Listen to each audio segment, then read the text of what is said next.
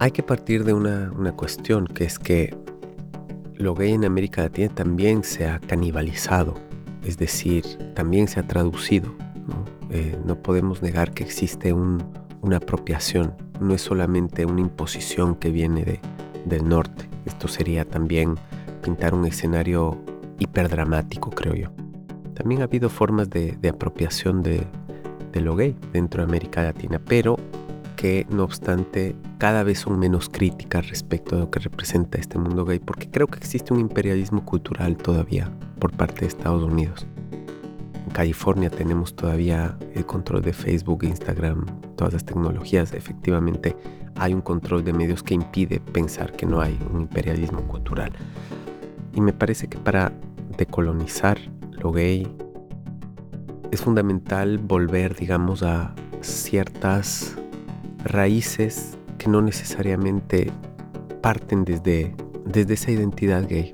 Tiene que ver con pensar otros itinerarios diferentes, tiene que ver con una brújula política que no necesariamente apunte al norte.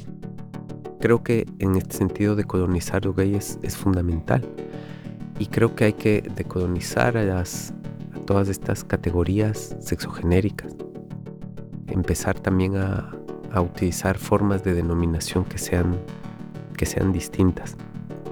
Creo no obstante que es un trabajo complejo. Por ejemplo, este teórico que se llama David Halperin que sacó un libro que está en inglés todavía, pero que yo creo que pronto se traducirá, que se llama Aprender a ser gay.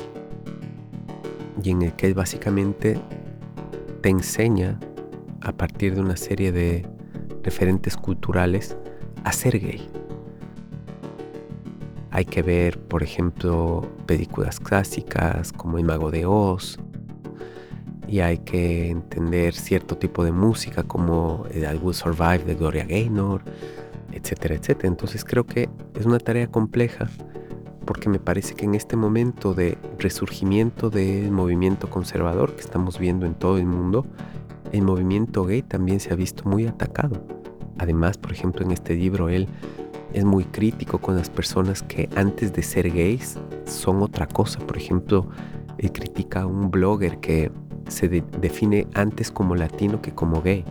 Y él dice en realidad la identidad gay es la que te está posibilitando ser el sujeto que eres. Es decir, hay como una reconstrucción conservadora ante las voces críticas que han aparecido en los últimos años respecto a la, a la etiqueta gay. Entonces me parece justamente que la propuesta de, José Esteban Muñoz de pensar una disidencia dentro de la disidencia, de que un mismo objeto cultural pueda servir para algo, pero también para una desidentificación de, de, ese algo, creo que puede ser muy interesante. Y creo que hay que seguir. Sí que es interesante e importante empezar a hacer como esos vínculos críticos por lo menos digo desde la academia. Cuando estudiamos, por ejemplo, teoría queer, que es lo que se, está estudiando como más profundamente ahora dentro de los estudios críticos de género. Desde luego los feminismos siempre van a estudiarse porque son como el puntal y la, piedra fundamental de todo el género. Pero por ejemplo hoy en día pensar lo, queer es, fundamental, ¿no? Tuvimos en Barcelona hace poco en, este conversatorio de, de la ciudad tuvimos como invitada, una de las invitadas centrales a Judith Butler, ¿no? Es decir, y ha estado muchas veces tanto en el Magua como en el CCCB. Entonces es un nombre fundamental, pero claro, lo interesante es cómo esta Judith Butler, que además ahora se ha vuelto muy famosa porque en Brasil, cuando fue a presentar una ponencia, fue satanizada por los grupos conservadores antigénero, de ideología de género, en realidad nunca ha hablado mucho de etnia y de clase. No le ha interesado, no ha sido parte de su proyecto teórico. No obstante, en Estados Unidos, desde hace 20 años, hay grupos tanto de personas afrodescendientes como latinas que han estado hablando de esto. Entonces, por ejemplo, es mucho menos conocido un José Esteban Muñoz, una Marcia Ochoa, un Garrida Fontaine, un Arnaldo Cruz Malabeque, de hecho han tenido claves mucho más interesantes de lo que podría ser lo queer para América Latina, porque están justamente pensando constantemente en cómo lo latino siempre se resquebraja frente a lo queer. Entonces, me parece que es crucial también empezar a hacer como estas alianzas críticas para que decrezcamos la lectura de Butler, de Kosowski Sedgwick, de, de todos estos grandes nombres de la teoría queer que no nos están dando herramientas útiles para América Latina. Y que pensemos, por ejemplo, en otras lecturas. Yo acabo de volver de Sudáfrica, por ejemplo, y creo que ese diálogo sur-sur es fundamental. A mis estudiantes no tenía que explicarles cuando estábamos hablando de género, porque fui a dar clases de género, no tenía que explicarles sobre racismo y colonialidad. Y ya lo tienen absolutamente asumido. Ya saben que es un privilegio, que hay algo que es simplemente una matriz que hay que cuestionar. Cada vez que yo doy clases aquí tengo que hacer toda una reflexión respecto a qué es la colonialidad, cómo nos afecta, ese privilegio que tenemos todos los días, cómo afecta a los derechos, etcétera, etcétera. Entonces creo que todas estas estrategias de decolonización son importantes al momento de pensar cómo, cómo quitar de hegemonía a ciertas categorías que aparentemente solo dan derechos, pero que no es el caso. Dan y quitan derechos por igual. Y creo que eso es problemático para el sur global.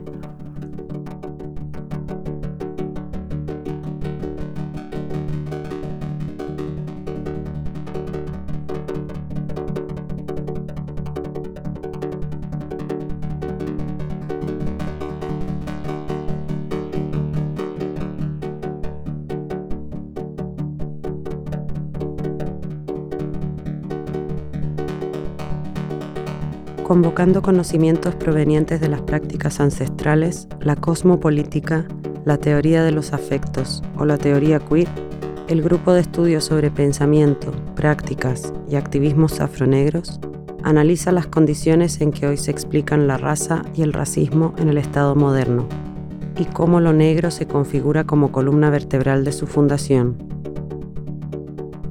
El grupo se propone, entre otros objetivos, desmontar una visión esencialista sobre la raza, producir conocimiento desde la experiencia encarnada y planear formas de intervención política en el contexto cercano del barrio y la ciudad.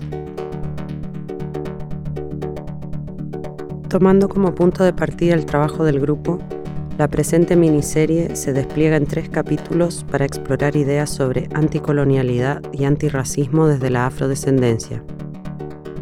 En esta segunda entrega, Diego Falconi, Lucía Piedra Galarraga y Caro Moret hablan sobre esclavismo y amor, la caribeñización de las identidades y la violencia entendida como un recurso posible. Comparten afectos, fobias, autofagias y objetos inquietantes, y desmenuzan lo latino frente a la máscara de lo gay, la salida del closet como una promesa liberal y el resentimiento como una forma circular que impide que la memoria desaparezca.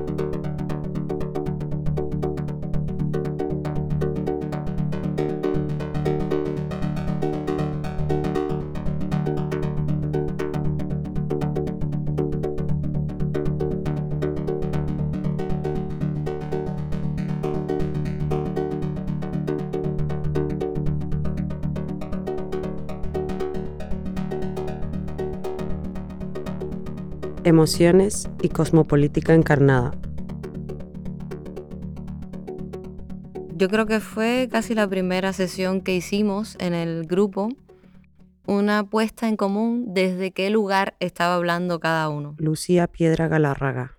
Y fue muy emocional porque mm, como cada uno hemos tenido experiencias muy diferentes y todas esas experiencias se relacionan con el cuerpo físico de uno y cómo ese cuerpo físico es entendido y es vivido por los otros, entonces los relatos fueron todos en esa dirección. Esa fue una sesión de la que no se tomó acta, por supuesto, porque todos los relatos eran cosas muy personales y muy íntimas y nos sirvió a cada uno para poner sobre la mesa desde qué lugar emocional estábamos hablando.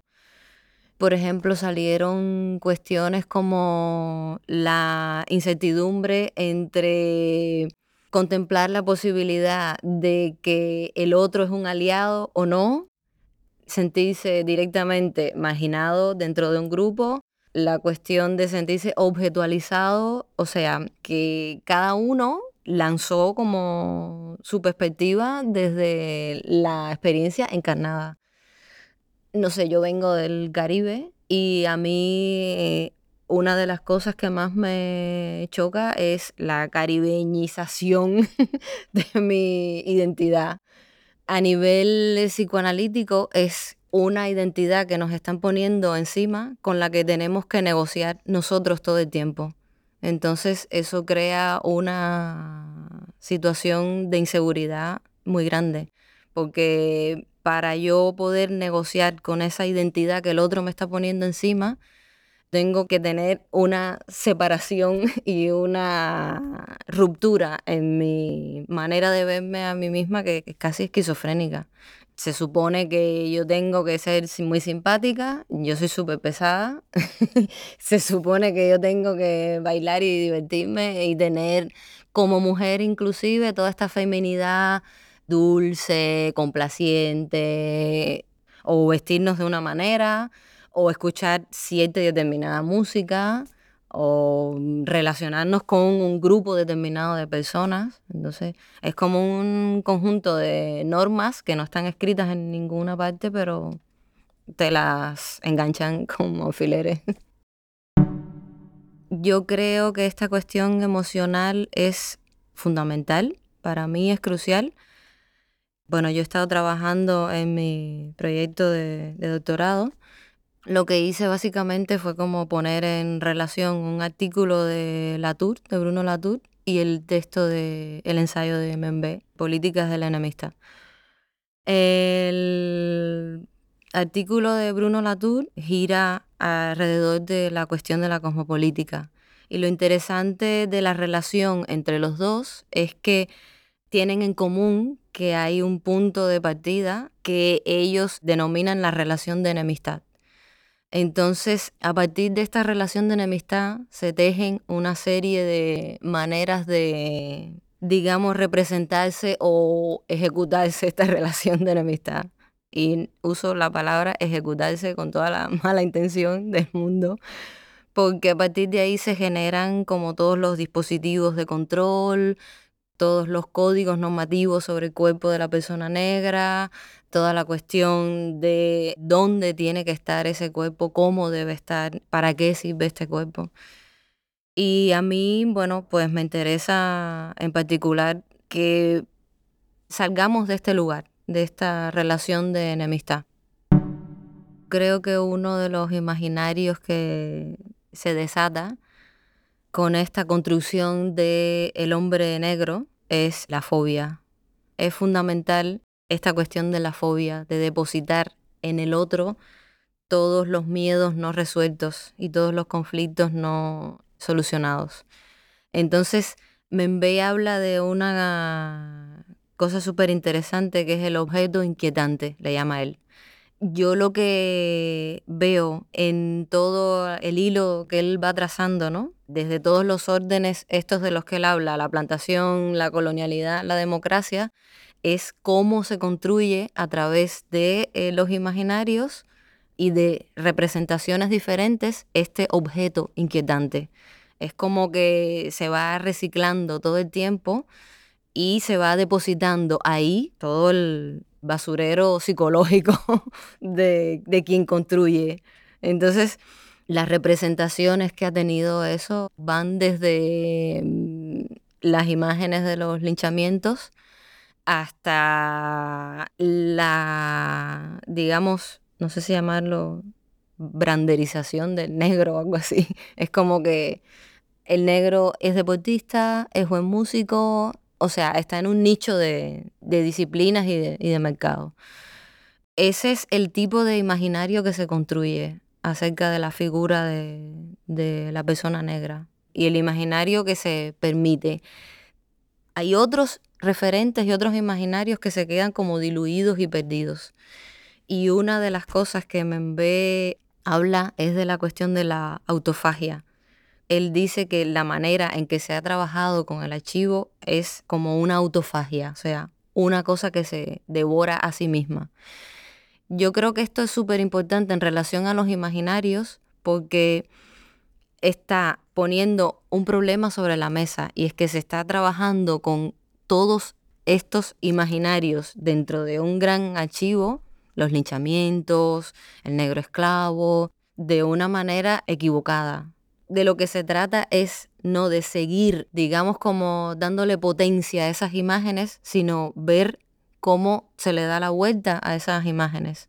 Entonces, es, bastante eh, rara la, la idea, ¿no? Porque es lo que dices, no podemos tener una representación de nosotros mismos que nos devore a nosotros mismos. Y a mí me parece interesante a la hora de poder trabajar con esos imaginarios y con esas representaciones que se han creado, cómo lo vamos a hacer.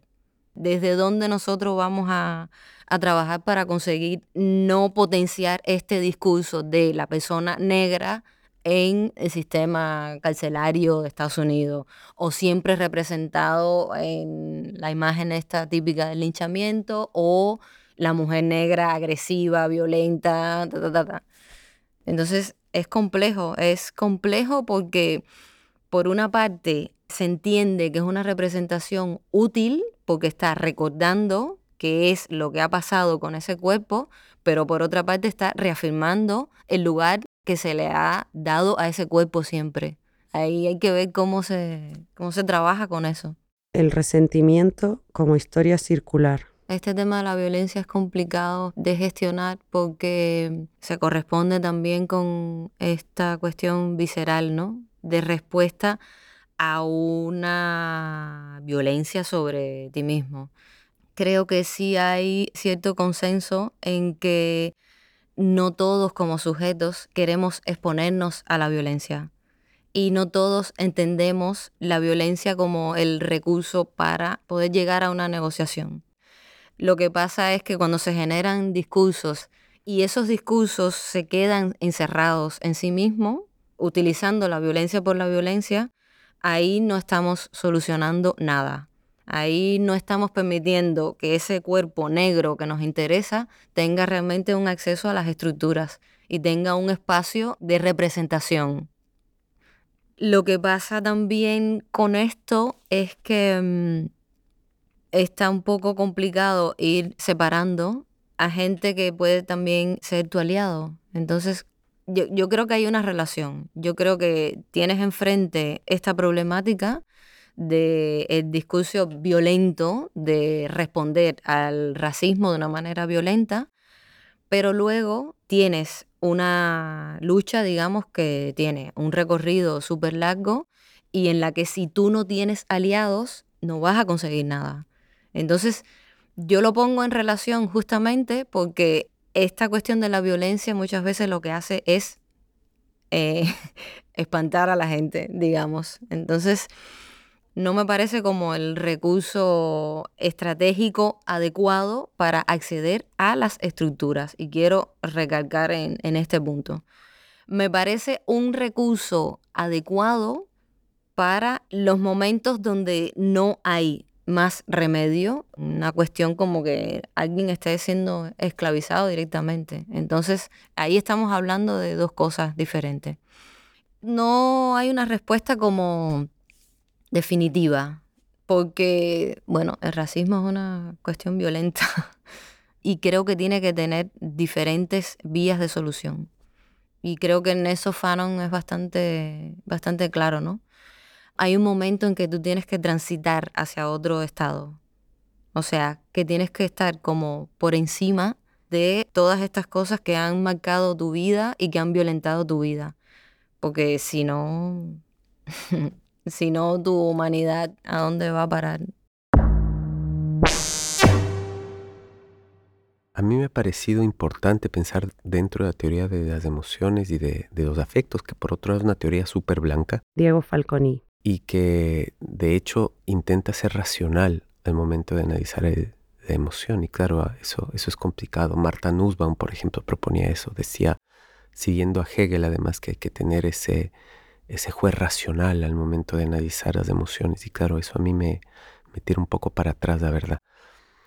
Pero creo, por otro lado, sí que esas emociones son importantes al momento de, de entender históricamente qué es lo que ha pasado con los, distintos, las distintas subjetividades. Entonces, digamos, la emoción que yo más he trabajado pensando en todo esto es la del resentimiento.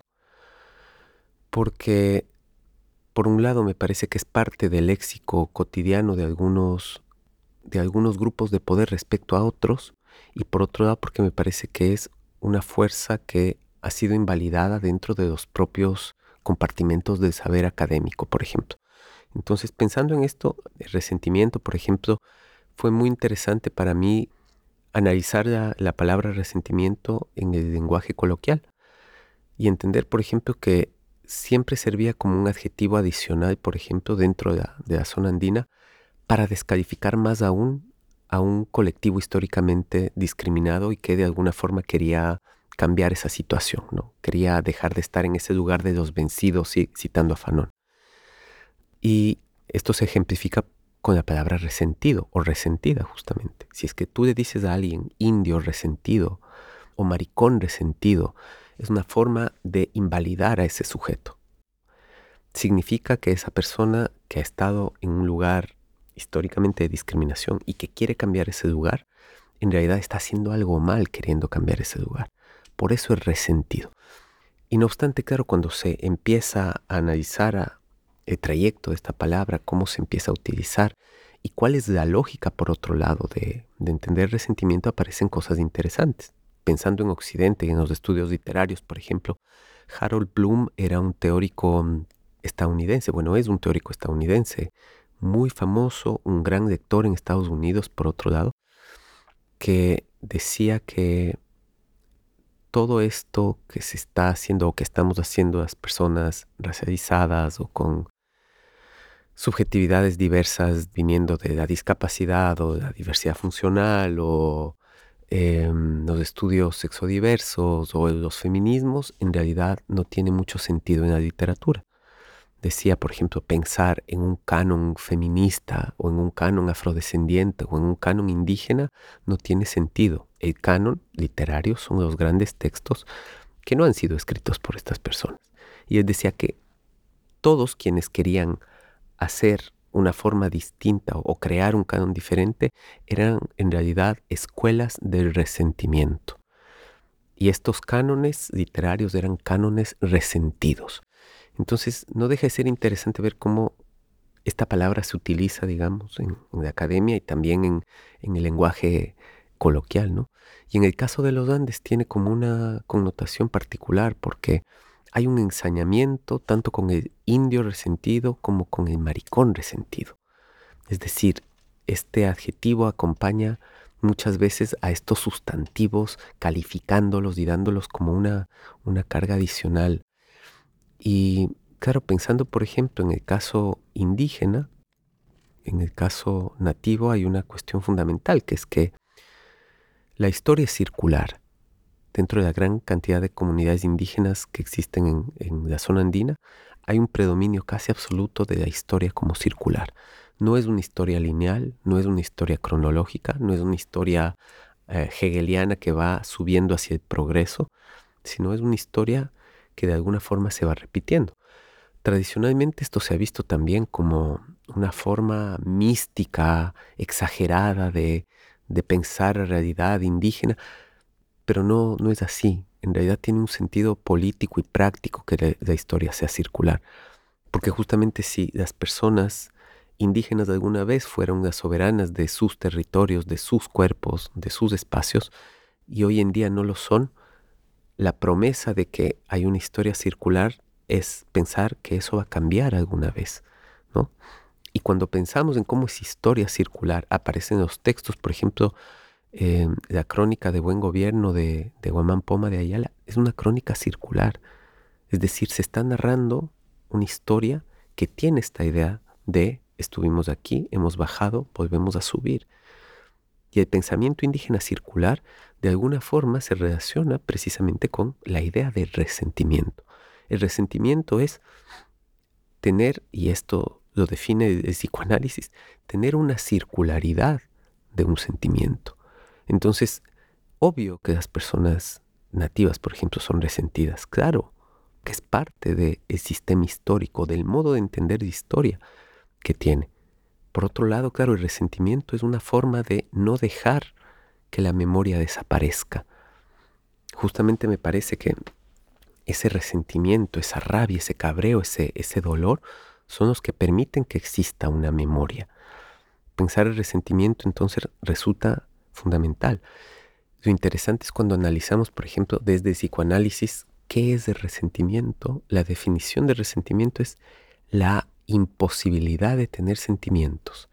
Es este estado que tiene el ser humano en el que está absolutamente enajenado por ese sentimiento que lo invade, que le impide tener otros sentimientos. Por tanto, es una anulación del sentimiento, cuando en realidad no es una anulación del sentimiento, es una forma política de entender la historia y de sentir esa historia. A mí me parece que el resentimiento ha sido fundamental, sigue siendo fundamental para que exista memoria, para que exista reparación, para que exista historia en definitiva y posibilidad dentro de la historia. Desde luego, claro, pensar que el resentimiento, y les, digo esto ahora confesando porque yo soy resentido, soy una persona resentida. Y el resentimiento daña, no es un sentimiento que, que ayude a, ser feliz, entre comillas, ¿no? porque ya sabemos que la felicidad está producida por una serie de dispositivos.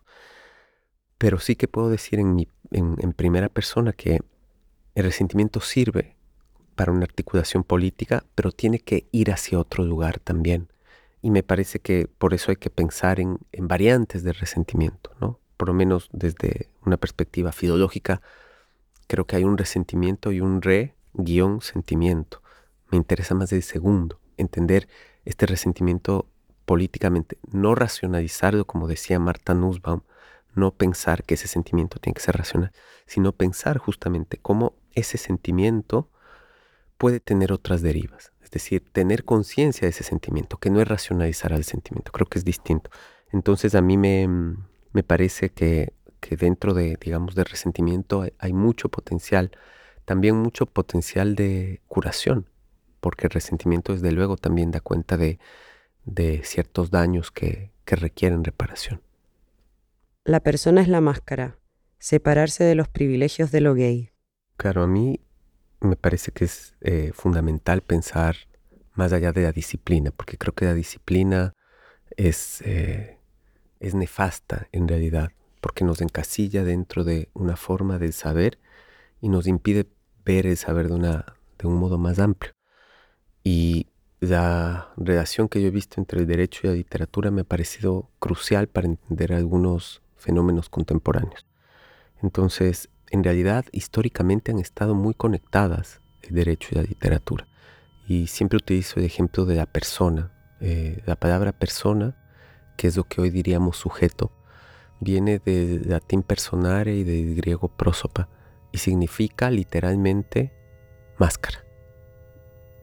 Y se desarrolla en el teatro, porque como aprendemos en el instituto, en el colegio, el mundo clásico básicamente tiene a Grecia que nos enseña el arte, la tragedia, y luego tiene a Roma que nos enseña el derecho.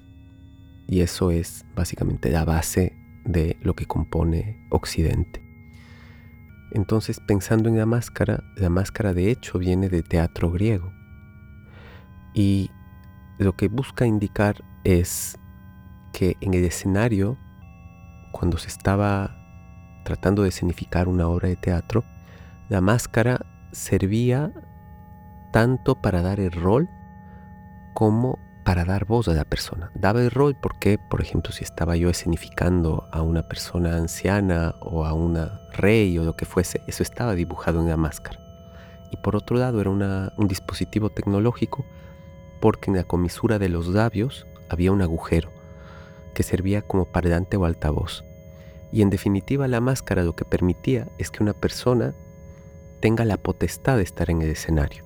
Si no tenía máscara, esa persona no iba a ser escuchada ni iba a tener el rol que las personas podían entender que tenía. Esto es retomado por el derecho, que dice básicamente que para ser una persona, para ser lo que hoy llamaríamos un sujeto de derechos o un sujeto jurídico, debemos tener una persona. Es decir, debemos tener una máscara. que es la que nos posibilita ejercer nuestro rol y tener voz en el escenario del derecho. Esta analogía, que en realidad es una analogía preciosa, es absolutamente macabra, porque la moraleja de todo esto es que el derecho no le pertenece al cuerpo, el derecho le pertenece a la máscara. Y la máscara se va, sin embargo, entregando en función de cada cuerpo. Es decir, los hombres tenían una máscara completa, las mujeres tenían una media máscara, los niños y niñas tenían otra media máscara, los esclavos no tenían máscara. Y es algo que seguimos viendo hasta la actualidad. Es decir, cuando estamos hablando de ilegales o de indocumentados, estamos hablando de sujetos que no tienen máscara, es decir, de cuerpos humanos que no tienen personalidad jurídica. Entonces me parece que, por ejemplo, entender desde el derecho y la literatura cómo opera el significado contemporáneo, me parece que es cuanto menos sexy. Y me parece que es interesante. Me parece que permite entender cuáles son algunos de los vicios, por poner una palabra, eh, que viene del derecho justamente, que van de alguna forma pudriendo ciertas instituciones. Me parece en efecto que ese exceso de representacionalidad que tienen a veces derecho y la literatura son cómplices, por ejemplo, de que el cuerpo pierda ciertos derechos. Cuando ficcionalizamos y ultraficcionalizamos la carne, hay estos peligros. Pensar, por ejemplo, a partir de este caso, cómo las relaciones entre derecho y literatura han sido fructíferas, como os digo, me ha parecido interesante, pensando justamente en el cuerpo, ¿no? Es decir, cómo eh, desde los derechos humanos, por ejemplo, es la primera vez en la historia, en realidad, desde el derecho romano en, la que se dice el derecho le corresponde al cuerpo, independientemente del cuerpo que sea este cuerpo. Podemos tener miles de críticas contra los derechos humanos, ya hay que tenerlas pero no podemos negar que hay un cambio de paradigma. Ya el derecho no le pertenece a la persona, es decir, a la máscara, le pertenece a la carne. Y entender esa materialidad es fundamental. Entender cómo le ponemos un, puntapié a la ficcionalidad y decimos, pensemos en la carne como la depositaria de derechos, creo que es importantísimo. Y al mismo tiempo pensar cómo la literatura también empieza a encarnarse de modo distinto, ¿no? Cómo dejamos de lado esas ficcionalidades y empezamos a pensar en formas más carnales, menos de autor, lejano al texto para construir los relatos, ¿no?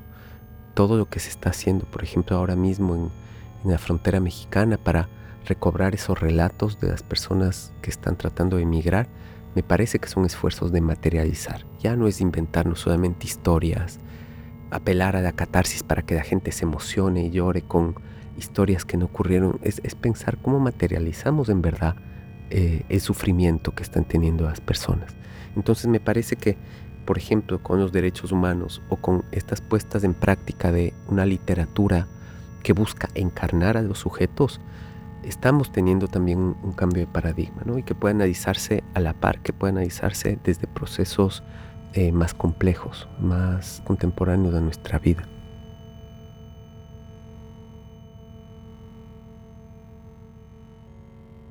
Claro, no podemos negar que dentro de las disidencias sexuales ha habido una proliferación casi excesiva de términos, ¿no? Pensemos en todos esos modos de designación que han tenido esos cuerpos con deseos distintos. En Grecia pederasta, después sodomita, después nefando, después uranista, después homosexual, eh, después marica, eh, después gay, es decir, ha habido como un, cambio estrepitoso de, nomenclatura en periodos relativamente cortos de historia de humanidad frente al hombre y mujer, ¿no? que han permanecido casi de modo eterno. Y creo que eso también hace, por ejemplo, que el feminismo sea mucho más traducible. La palabra feminismo viene de feminus. Entonces pareciera que la traducción es más sencilla. Pero cuando hablamos, por ejemplo, de de palabras como homosexual o como gay, ¿cómo se traduce esa palabra? Ahora que tenemos una palabra que es, me parece que la más compleja de todos, que es la palabra queer. ¿Cómo esa palabra queer, además intencionadamente con acento gringo, ¿no? Queer. ¿Cómo traducimos esa palabra en, otros contextos? ¿O tiene sentido que traduzcamos esa, esa palabra, ¿no? Entonces me parece justamente que pensar en la nomenclatura y, cómo esta nomenclatura otorgaba máscaras es importante, es fundamental. Entonces, por ejemplo, la palabra homosexual trataba de, de crear una máscara que en verdad era una camisa de fuerza. Antes de eso no había una palabra que universalizase el deseo. Pero eso es lo que tiene la medicina, en el siglo XIX, el positivismo, que junta justamente el derecho y la medicina como los discursos de verdad, nos dice, vamos a crear categorías que sirvan universalmente para todas las personas y todos los tiempos. Es tremendo esto. Entonces, claro, se puede decir, eh, Sócrates fue homosexual, o los sodomitas que les comentaba que fueron carbonizados en la zona andina son homosexuales, porque estoy categorizando el deseo de, de forma universal. Creo que es una máscara peligrosísima, por ejemplo, la máscara de homosexualidad. Pero la máscara que, digamos, más me ha inquietado, también desde una perspectiva personal, autobiográfica, ha sido la máscara gay. Y empiezo por lo autobiográfico y luego voy más bien a lo histórico. Eh, yo fui un, marica homosexual que se crió en Ecuador bajo unas leyes punitivas tremendas, o sea, hasta 1997 que fue extirpada esta norma del Código Penal, las relaciones homosexuales estaban penadas con de 4 a 8 años de reclusión mayor, es decir, en una de las cárceles de máxima seguridad. Era un delito grave y que se había aplicado, incluso para ciertos escritores, que, fueron homosexuales. Por ejemplo, Granizo es, un, caso interesante. Pero más allá de eso, yo no puedo negar, por ejemplo, que todo ese miedo, todo ese, dispositivo de control me acompañó en mi cuerpo. Y de hecho, el modo que yo tenía de denominarme secretamente en mi armario personal era bisexual. Yo no soy bisexual. Es decir, yo no, no tengo deseo igualmente por hombres y mujeres, prefiero los hombres. Y yo estaba tan lejos de ese discurso, quiero decir, estaba tan oprimido por ese discurso y tan lejos de la denominación y la nomenclatura que ni siquiera sabía cómo denominarme. Entonces, claro, que además yo venía de un ambiente hipercatólico, yo rezaba a Dios y a la Virgen y decía, por favor, que yo ya no sea bisexual. Es decir, ni, ni siquiera tenía la categoría adecuada para definirme a mí mismo, entre comillas, adecuada. Fui a Estados Unidos como estudiante de intercambio y descubrí la palabra gay una palabra muy diferente a la palabra homosexual, ¿no? Entonces, claro, empecé a ver series gays, películas gays, entre comillas, música gay, y era muy distinto a todo aquello con lo que yo me había criado. Era una oportunidad para, para convertirte en ciudadano, en sujeto, y además un sujeto bastante feliz, ¿no? Luego, claro, entendí que la palabra gay, que literalmente significa feliz, te posibilita como ser humano a, crecer pero lo que me ha pasado en los últimos tres o cuatro años, un poco más igual, es que estando en una ciudad como Barcelona, que es una ciudad tremendamente gay, he caído en cuenta que esta etiqueta gay, que esta máscara gay es una máscara muy tramposa y que es una máscara que, como decía Pedro Lemebel, está pensada sobre todo para cuerpos blancos y en realidad es una máscara que, como decía Sara Ahmed, produce la felicidad desde unos presupuestos basados en el capitalismo. Entonces, digamos, esta es historia autobiográfica, es decir, yo ahora dudo mucho de la máscara gay y estoy en un proceso personal de decrecer lo gay como ahora se piensa el mundo desde una perspectiva de decrecimiento y de, decir vamos a bajar el industrialismo, vamos a bajar nuestro consumo de plástico, yo estoy en una misma gesta personal de decir voy a dejar de ser lo más posible gay, porque es una etiqueta que trae mucho dolor. Entonces, todo esto personal me ha llevado a, a pensar investigación y a entender que la etiqueta gay, si bien se origina inicialmente en el francés, gay, como una forma de, pensar los placeres amorales, y luego, bueno, pasa al inglés, en realidad es una palabra que tiene el sentido que, que tiene hoy en día en el siglo XX y que debe entenderse justamente en el contexto del capitalismo industrial. Esto quiere decir que se origina en Estados Unidos, que se origina por una serie de condiciones materiales que posibilitan que las personas sexo diversas, sexo disidentes empiecen a aparecer, por ejemplo, el crecimiento de las grandes ciudades, por ejemplo, el hecho de que los, los centros de estas ciudades como San Francisco, como Nueva York, empiezan a vaciarse con mucha rapidez, las familias empiezan a ir a los suburbios y son los inmigrantes, son los homosexuales, son las lesbianas las que empiezan a ocupar esos territorios que quedan vacíos en la ciudad y empiezan a resignificarlos. Y sobre todo pensar que Estados Unidos es uno de los dos grandes, bueno, son cinco ganadores, pero uno de los dos grandes ganadores de la Segunda Guerra Mundial con Rusia. Y que justamente se convierte Estados Unidos en el país más rico del mundo en ese momento. Y lo que ocurre justamente con esa riqueza es que empieza a repartirse esa riqueza y empiezan a cambiar las normativas. Por ejemplo, cambia la normativa en cuanto al trabajo. En la mayoría de países se puede trabajar desde los 18 años. En Estados Unidos se cambia normativa para que se pueda trabajar desde los 16 años. Porque había mucho dinero. Entonces los jóvenes empiezan a trabajar, empiezan a ganarse su dinero y empiezan a independizarse. Entonces, claro, el problema de una persona gay o una persona lesbiana, el primer problema ha sido su familia.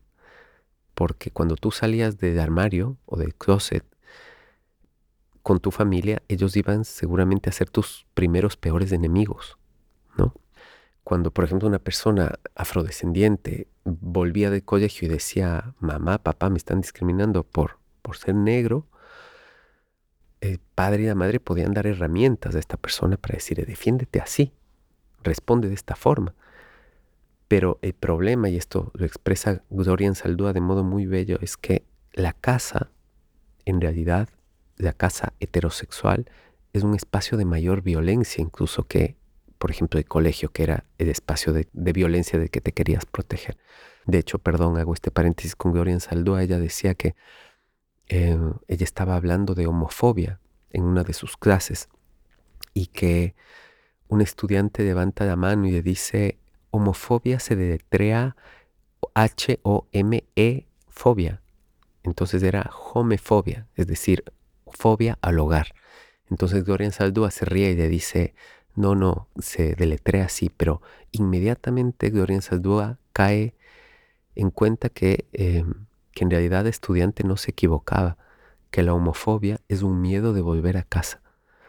Entonces, todo esto, ese miedo a volver a casa de alguna forma, se dinamita cuando tú puedes salir de tu casa a los 16 años. Cuando tú eres un joven que puede construir su vida, además en estas ciudades, con la promesa liberal de bienvenido aquí, invéntate a ti mismo, ¿no? Que es esta promesa liberal de salir del closet. Pareciera que dices soy gay, soy lesbiana, sales del closet y empieza una nueva vida. Es una de estas promesas liberales de, felicidad, que como les digo son falsas, pero que hay que contextualizar históricamente. Entonces, ser gay es todo esto. Y hay un teórico que es John DeMilio, que es un historiador gay, que en esa época deja muy claro esto y dice, la única forma de que aparezca una subjetividad gay es en el capitalismo. Y efectivamente la subjetividad gay es por definición una subjetividad capitalista. Entonces tenemos que, de alguna forma, desde una perspectiva crítica, decir qué bien que apareció la subjetividad gay, qué bien que ese pasado de dolor desaparece, pero qué complejo que una identidad histórica empiece a asumirse como universal, igual que la palabra homosexual es, tremendo eso porque ya empieza a aparecer en tratados internacionales, ya aparecen teorías, ya hay ciertos teóricos como David Halperin que hablan de esta identidad gay como una identidad que ha existido en todos los espacios, en todos los tiempos. Y creo que esto es muy complejo. Por el contrario, digamos, pensando en mi contexto eh, principal, que es América Latina, no puedo dejar de cuestionarme qué es lo que pasaba en esos años. O sea, para América Latina hubo un punto de quiebre en el siglo XX, fue la Revolución Cubana, fue ese momento en que aparecen subjetividades que empiezan a cuestionar una serie de preceptos tradicionales de opresión para el sujeto latinoamericano. Entonces, claro, empiezan a aprobarse en Cuba leyes como leyes de aborto en ese momento, empiezan a aprobarse leyes de divorcio, Es decir, hay como un, cambio de paradigma en lo sexual, pero la homosexualidad no entra dentro de ese debate. Y de hecho se convierte en un nuevo enemigo de las luchas de izquierda a partir del hombre nuevo, ¿no? El hombre nuevo que tiene que ser esta nueva subjetividad latinoamericana que es esencialmente heterosexual. Entonces, claro, cuando yo pienso al gay latinoamericano, pienso justamente en esta máscara que tiene que debatirse entre el capitalismo y la nada, que tiene que de alguna forma empezar a asumir esa subjetividad alegre, feliz, pero que siempre tiene esta promesa de el consumo, ¿no? Yo veo, por ejemplo, dentro de los espacios gays tradicionales y sobre todo en las aplicaciones, son aplicaciones de consumo de cuerpos, porque identidad gay está basada en el consumo. Eh, las poblaciones gays ahora en el primer mundo tienen un índice altísimo, por ejemplo, respecto a, suicidios, a depresiones, que tienen que ver directamente con el consumo, con esa despersonalización que tiene el sujeto. Entonces, creo que pensar cómo esta identidad gay es absolutamente problemática debe ser un proyecto también anticolonial porque también está en estas bases imperialistas de decir vamos a expandirnos por todo el mundo. ¿no? Es una promesa de liberación un poco falsa. Es eh, básicamente un homonacionalismo, citando a Jasbir Puar. Es tratar de alguna forma de que esta identidad gay, que se vende como universal, tenga finalmente ciertos intereses civilizatorios. ¿No? Que por ejemplo ahora nos sirva para decir, ah, tenemos que sancionar a países como eh, Uganda o a los, a los países musulmanes porque no aceptan a las poblaciones gays. Entonces creo que es tremendamente problemático pensar en, esta máscara gay, que es la, máscara contemporánea, que por otro lado, como les digo, es, complejo porque atrae una serie de, beneficios muchas personas y que negar esos beneficios también sería una, una ceguera histórica pero sí que creo que hay que, cuestionar esta máscara, esta máscara de felicidad aparente que trae la, etiqueta gay. Bueno, yo creo que dentro de América Latina han existido proyectos interesantes para intentar convivir con esta etiqueta gay, porque evidentemente es una etiqueta que tiene mucho poder. Por ejemplo, escritores como Pedro Lemebel no utilizan etiqueta gay, no, es muy, muy importante ni muy interesante.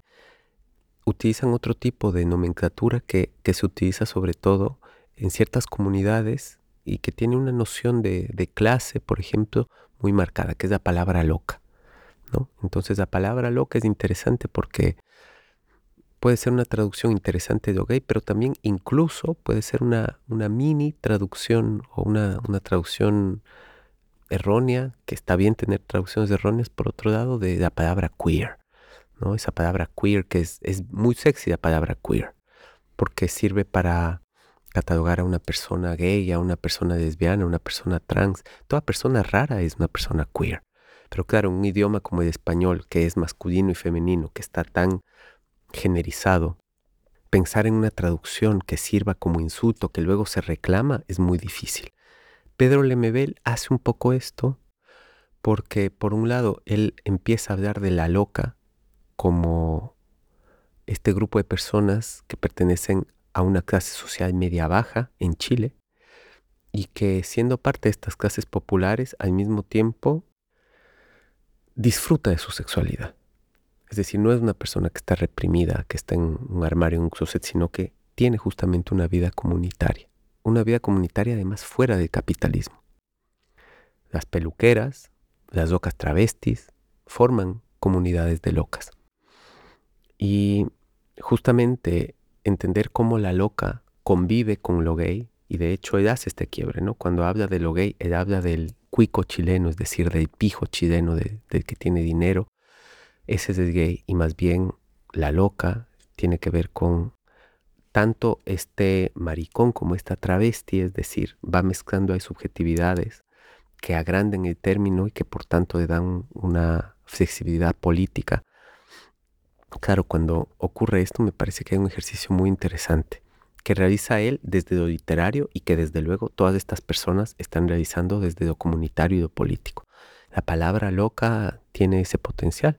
Claro, también lo que tiene la palabra loca es que, ha entrado ya en el tráfico global, que creo que es muy importante, porque el problema de lo gay, entre otras cosas, es que tiene hegemonía de las sexualidades dentro del tráfico global, incluso dentro de lo LGBTI, lo gay es lo que está primero, ¿no? Entonces, creo que cuando entran estos términos a disputar de alguna forma de hegemonía, resulta interesante.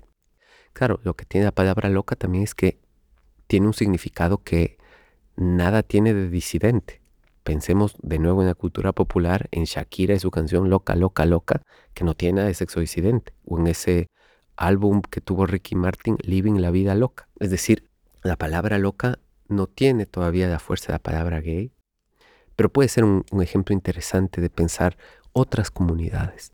Yo veo ahora un interesante resurgimiento de la palabra marica para denunciar desde luego esa homofobia que todavía existe, pero también denunciar una serie de privilegios que vienen con la palabra gay que tienen que ser denunciados.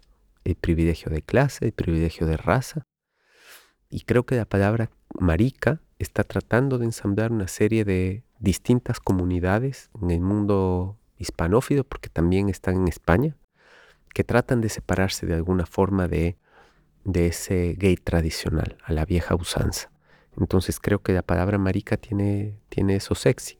Lo que es peligroso de la palabra marica, por lo menos desde mi perspectiva, es que se piense que nos une a las personas maricas, españolas y latinoamericanas en una lucha común. Yo creo que, porque se utilizan ambos lados del océano, yo creo que esto es problemático, porque me parece que aquí en España hay muy poca revisión desde los movimientos exodisidentes respecto a los privilegios de raza.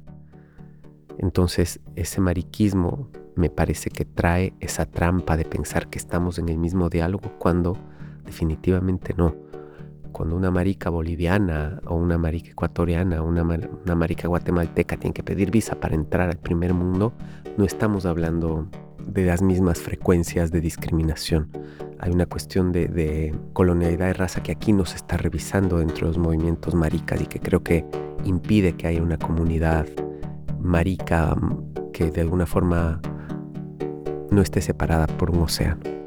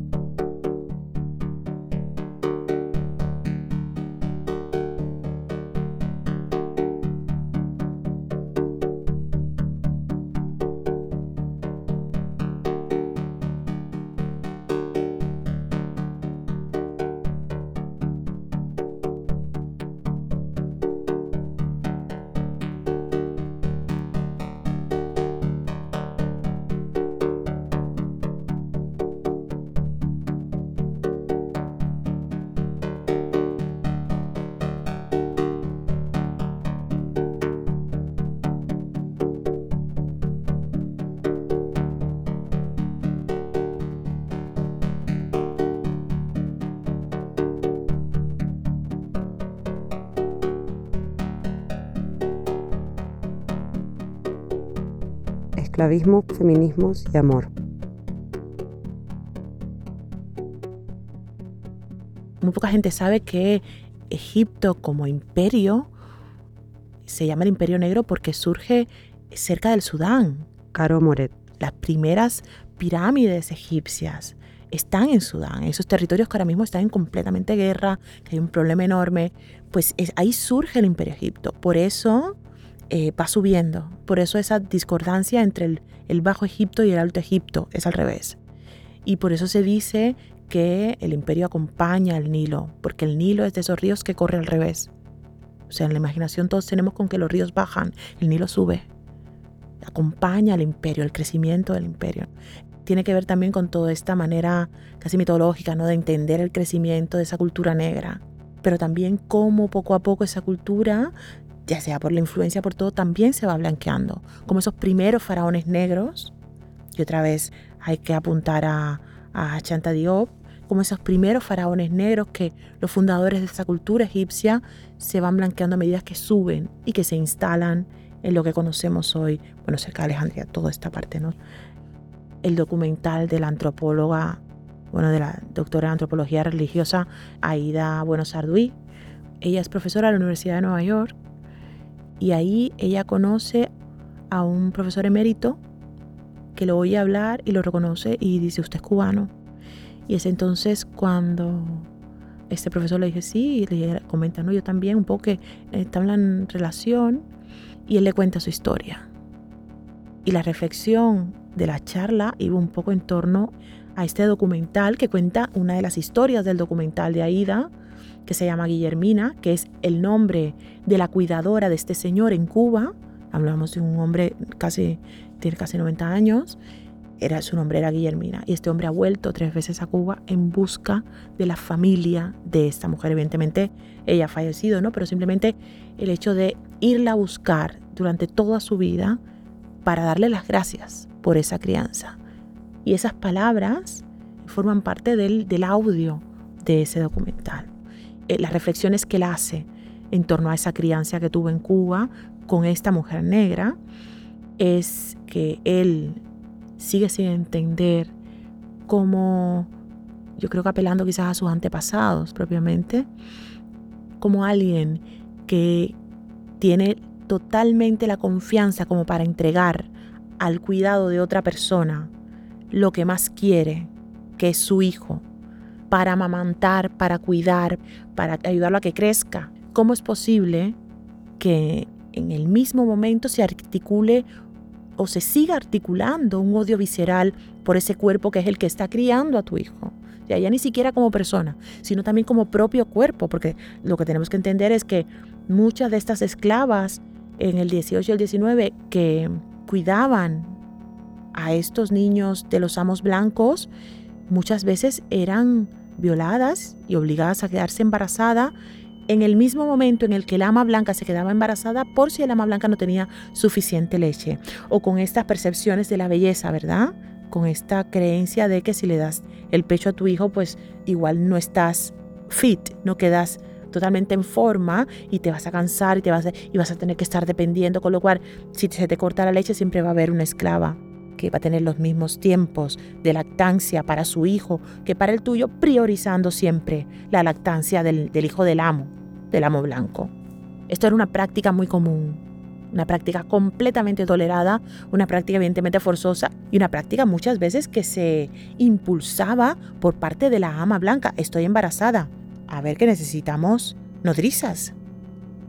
O sea, a este punto de violencia y la reflexión entrañable, yo no lo voy a decir mejor porque yo creo que las palabras en el documental quedan muy claras, es que cómo es posible que tengamos tantísima confianza como para dejar lo que más queremos en manos de una persona que odiamos profundamente y que no somos capaces de empatizar en ningún momento. Y lo peor de todo es de reproducir ese odio en esa persona que esa ama de leche está criando.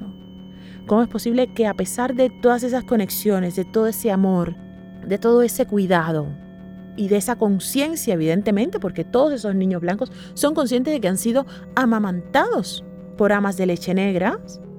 Y ahí nos viene a la cabeza el trabajo de Titus Caffar, por ejemplo, ¿no? En ese cuadro maravilloso cuando ponen el regazo de, de la negra de Guillermo Benoit al propio Washington en tanto que se había dicho durante muchísimo tiempo de que Washington era de los pocos presidentes americanos que no había tenido esclavos. Eso se desmiente hace muy poquito y él hace este cuadro y utiliza para ello, recupera el cuadro de, la esclava, bueno, en realidad el cuadro creo que se llama La Negra, de la pintora de finales del 18, María Guillermo Benoit, de las pocas pintoras que hay en esta época, la pintora que le había hecho cuadros a todas las grandes damas de la corte de Europa y que decide pintar a una esclava negra y todas las grandes damas están divinamente con esos vestidos fantásticos y a la esclava negra la pinta desnuda, ¿no? Con los pechos desnudos. Pues lo que hace Titus Cafas es recuperar este cuadro y en ese regazo, porque la esclava está sentada con los pechos al aire, en ese regazo de esa esclava negra coloca a Washington, al presidente norteamericano, para dar cuenta de que ni siquiera tú te salvas de tener esclavos o de haber sido amamantado por una ama de leche negra. Yo creo que casi toca lo bizarro, ¿no?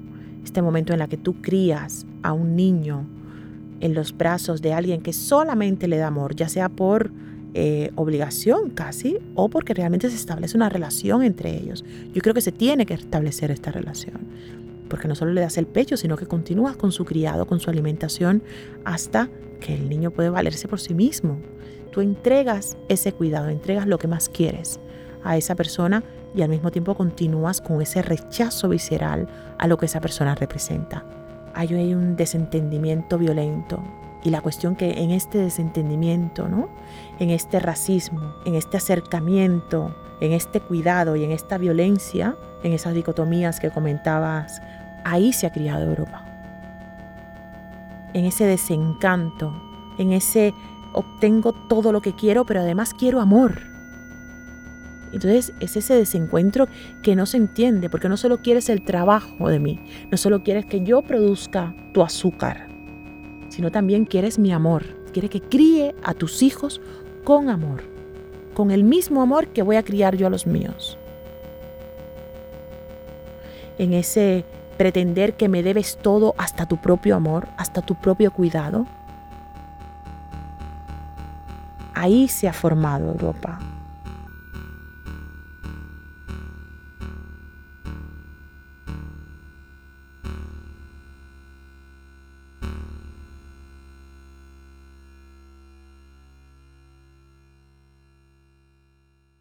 Lo que creímos que en un principio iba a ser como fácil, porque Barcelona, con toda esa tradición anarquista, feminista, ¿no? de tanto tiempo, de movimiento obrero, yo creo que las personas que trabajamos el afrofeminismo, ya sea en su ejercicio o en su enseñanza o en su investigación, creíamos que iba a ser como fácil conectar con esos sectores feministas.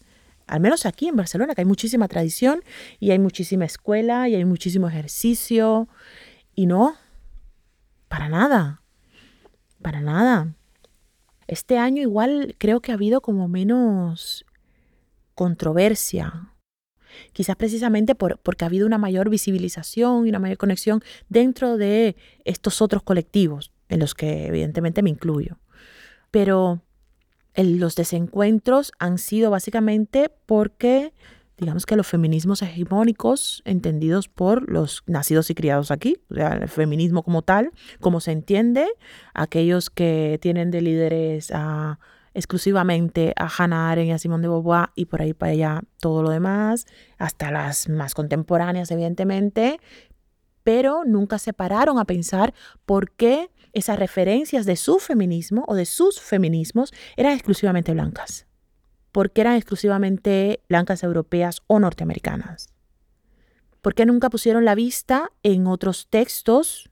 Y ya no voy a recomendar o, que no voy a pedir un acercamiento a esas literaturas orales que dan cuenta mucho del tema del género ¿no? y de feminismos en cuanto al ejercicio, sino simplemente hablemos de referentes académicos, textos. Nunca dieron cuenta de la necesidad de mirar, leer, preguntar, leer a esos otros feminismos o a esos otros referentes. También porque solo daban cuenta de su necesidad en torno o su lucha en torno al patriarcado como si fuese la única lucha exclusiva para el feminismo. Y en el caso de personas como yo, el patriarcado es una lucha pero antes del patriarcado está el racismo. Y en tanto de que el racismo no pertenece a tu agenda como feminista blanca occidental, tenemos un problema.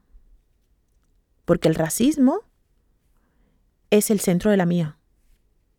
Y en tanto que tú como feminista blanca tienes que dar cuenta no solo de que hay mujeres no blancas, sino también hombres no blancos y todos ellos, mujeres y hombres no blancos, tienen que ser incorporados también a tu agenda.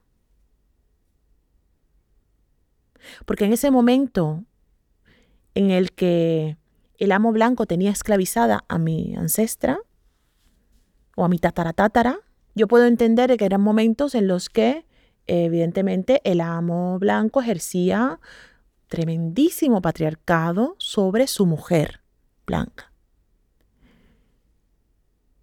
Pero es que su mujer blanca ejercía el mismo patriarcado sobre mí y sobre mi compañero negro.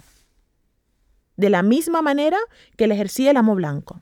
Las mismas violencias que ejercía el amo blanco eran ejercidas por la mujer blanca.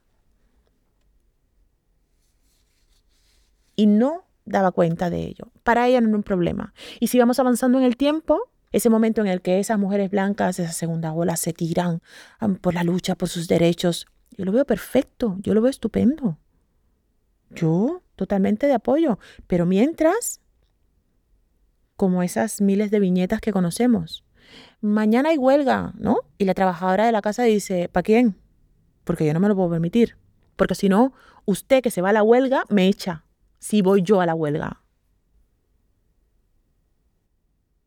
Entonces, el feminismo lleva caminando, el feminismo hegemónico y blanco lleva caminando y lleva ejercitando una agenda totalmente personal, totalmente segregada.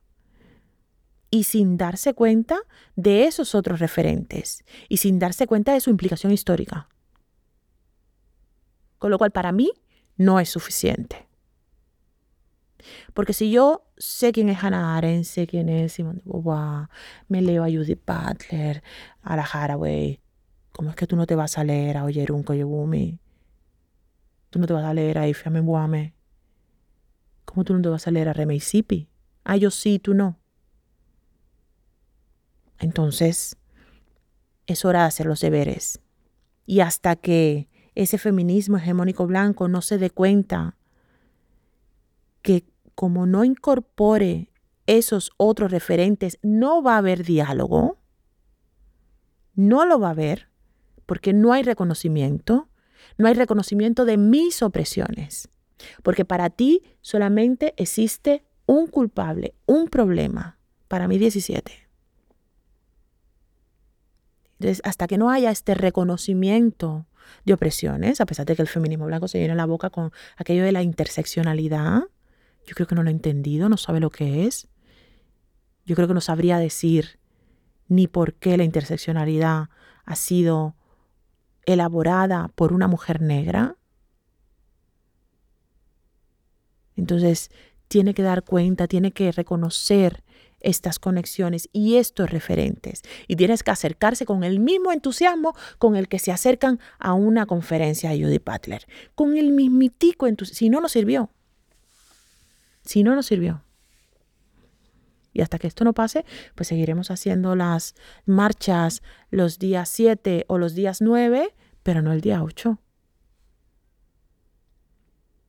Y porque, como siempre, a los otros se nos exige no que sepamos bien sobre lo de nosotros, sino lo de, lo de los otros, lo de ustedes también.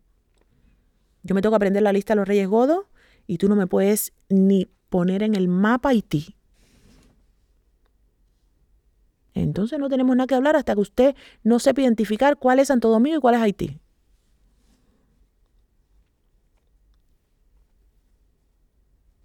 Ya está.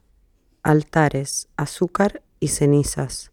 Antirracismo y resistencia anticolonial desde la afrodescendencia.